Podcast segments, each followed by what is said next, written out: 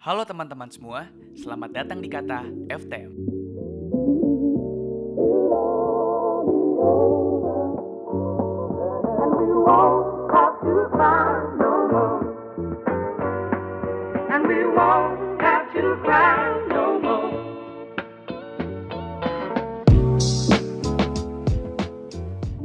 Kembali lagi bersama aku Irfan Fadilah yang bakal menemani podcast Kata FTM di minggu kali ini.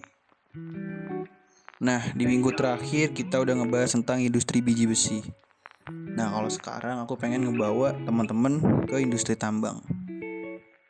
Dengan tema Era Baru Tambang.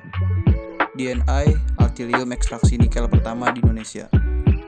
Nah, jadi ada perusahaan asal Inggris namanya Altilium Group dan PT Indo Mineral Research yang merupakan anggota dari Sebugo Group, yakni salah satu grup tambang terbesar di Indonesia.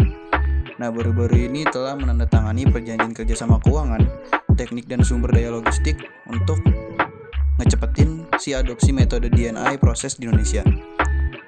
Teknologi DNA Altilium ini memungkinkan kalau ekstraksi nikel dari biji yang memiliki kandungan nikel sangat rendah sekalipun.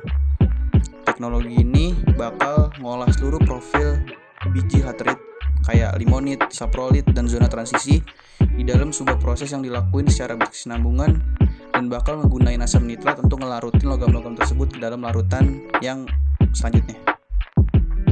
Nikel dan kobalt bakal dikirimkan dalam bentuk endapan hidroksida campuran atau MAP yang merupakan bahan yang disukai oleh perusahaan baterai untuk memurnikan ke logam baterai.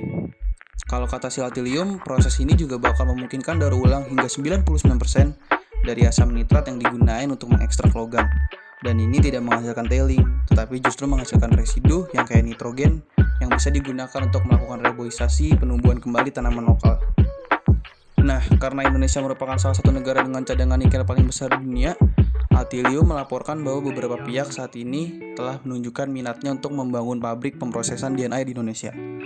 Pihaknya bahkan mengatakan pabrik yang pertama kemungkinan akan mengirimkan setidaknya 20.000 ton nikel dalam endapan hidroksida campuran setiap tahunnya. Bahan tersebut akan bisa menghasilkan nikel dan kobalt yang setara dengan sekitar 500.000 baterai lithium ion. Teknologi DNA ini sendiri telah diuji coba di Australia dengan sebuah pabrik percontohan yang didirikan di salah satu fasilitas Commonwealth Scientific and Industrial Research Organization yang ada di Perth. Setelah pengujian, Queensland Pacific Metal pun akan mulai membangun pabrik yang sama yang pembangunannya akan dimulai tahun depan dan diharapkan bisa menghasilkan 16.000 ton nikel. Nah, jadi untuk bahasan minggu ini itu tentang era baru tambang yang bakal ada di Indonesia yang dibawa sama perusahaan asal Inggris namanya Altilium.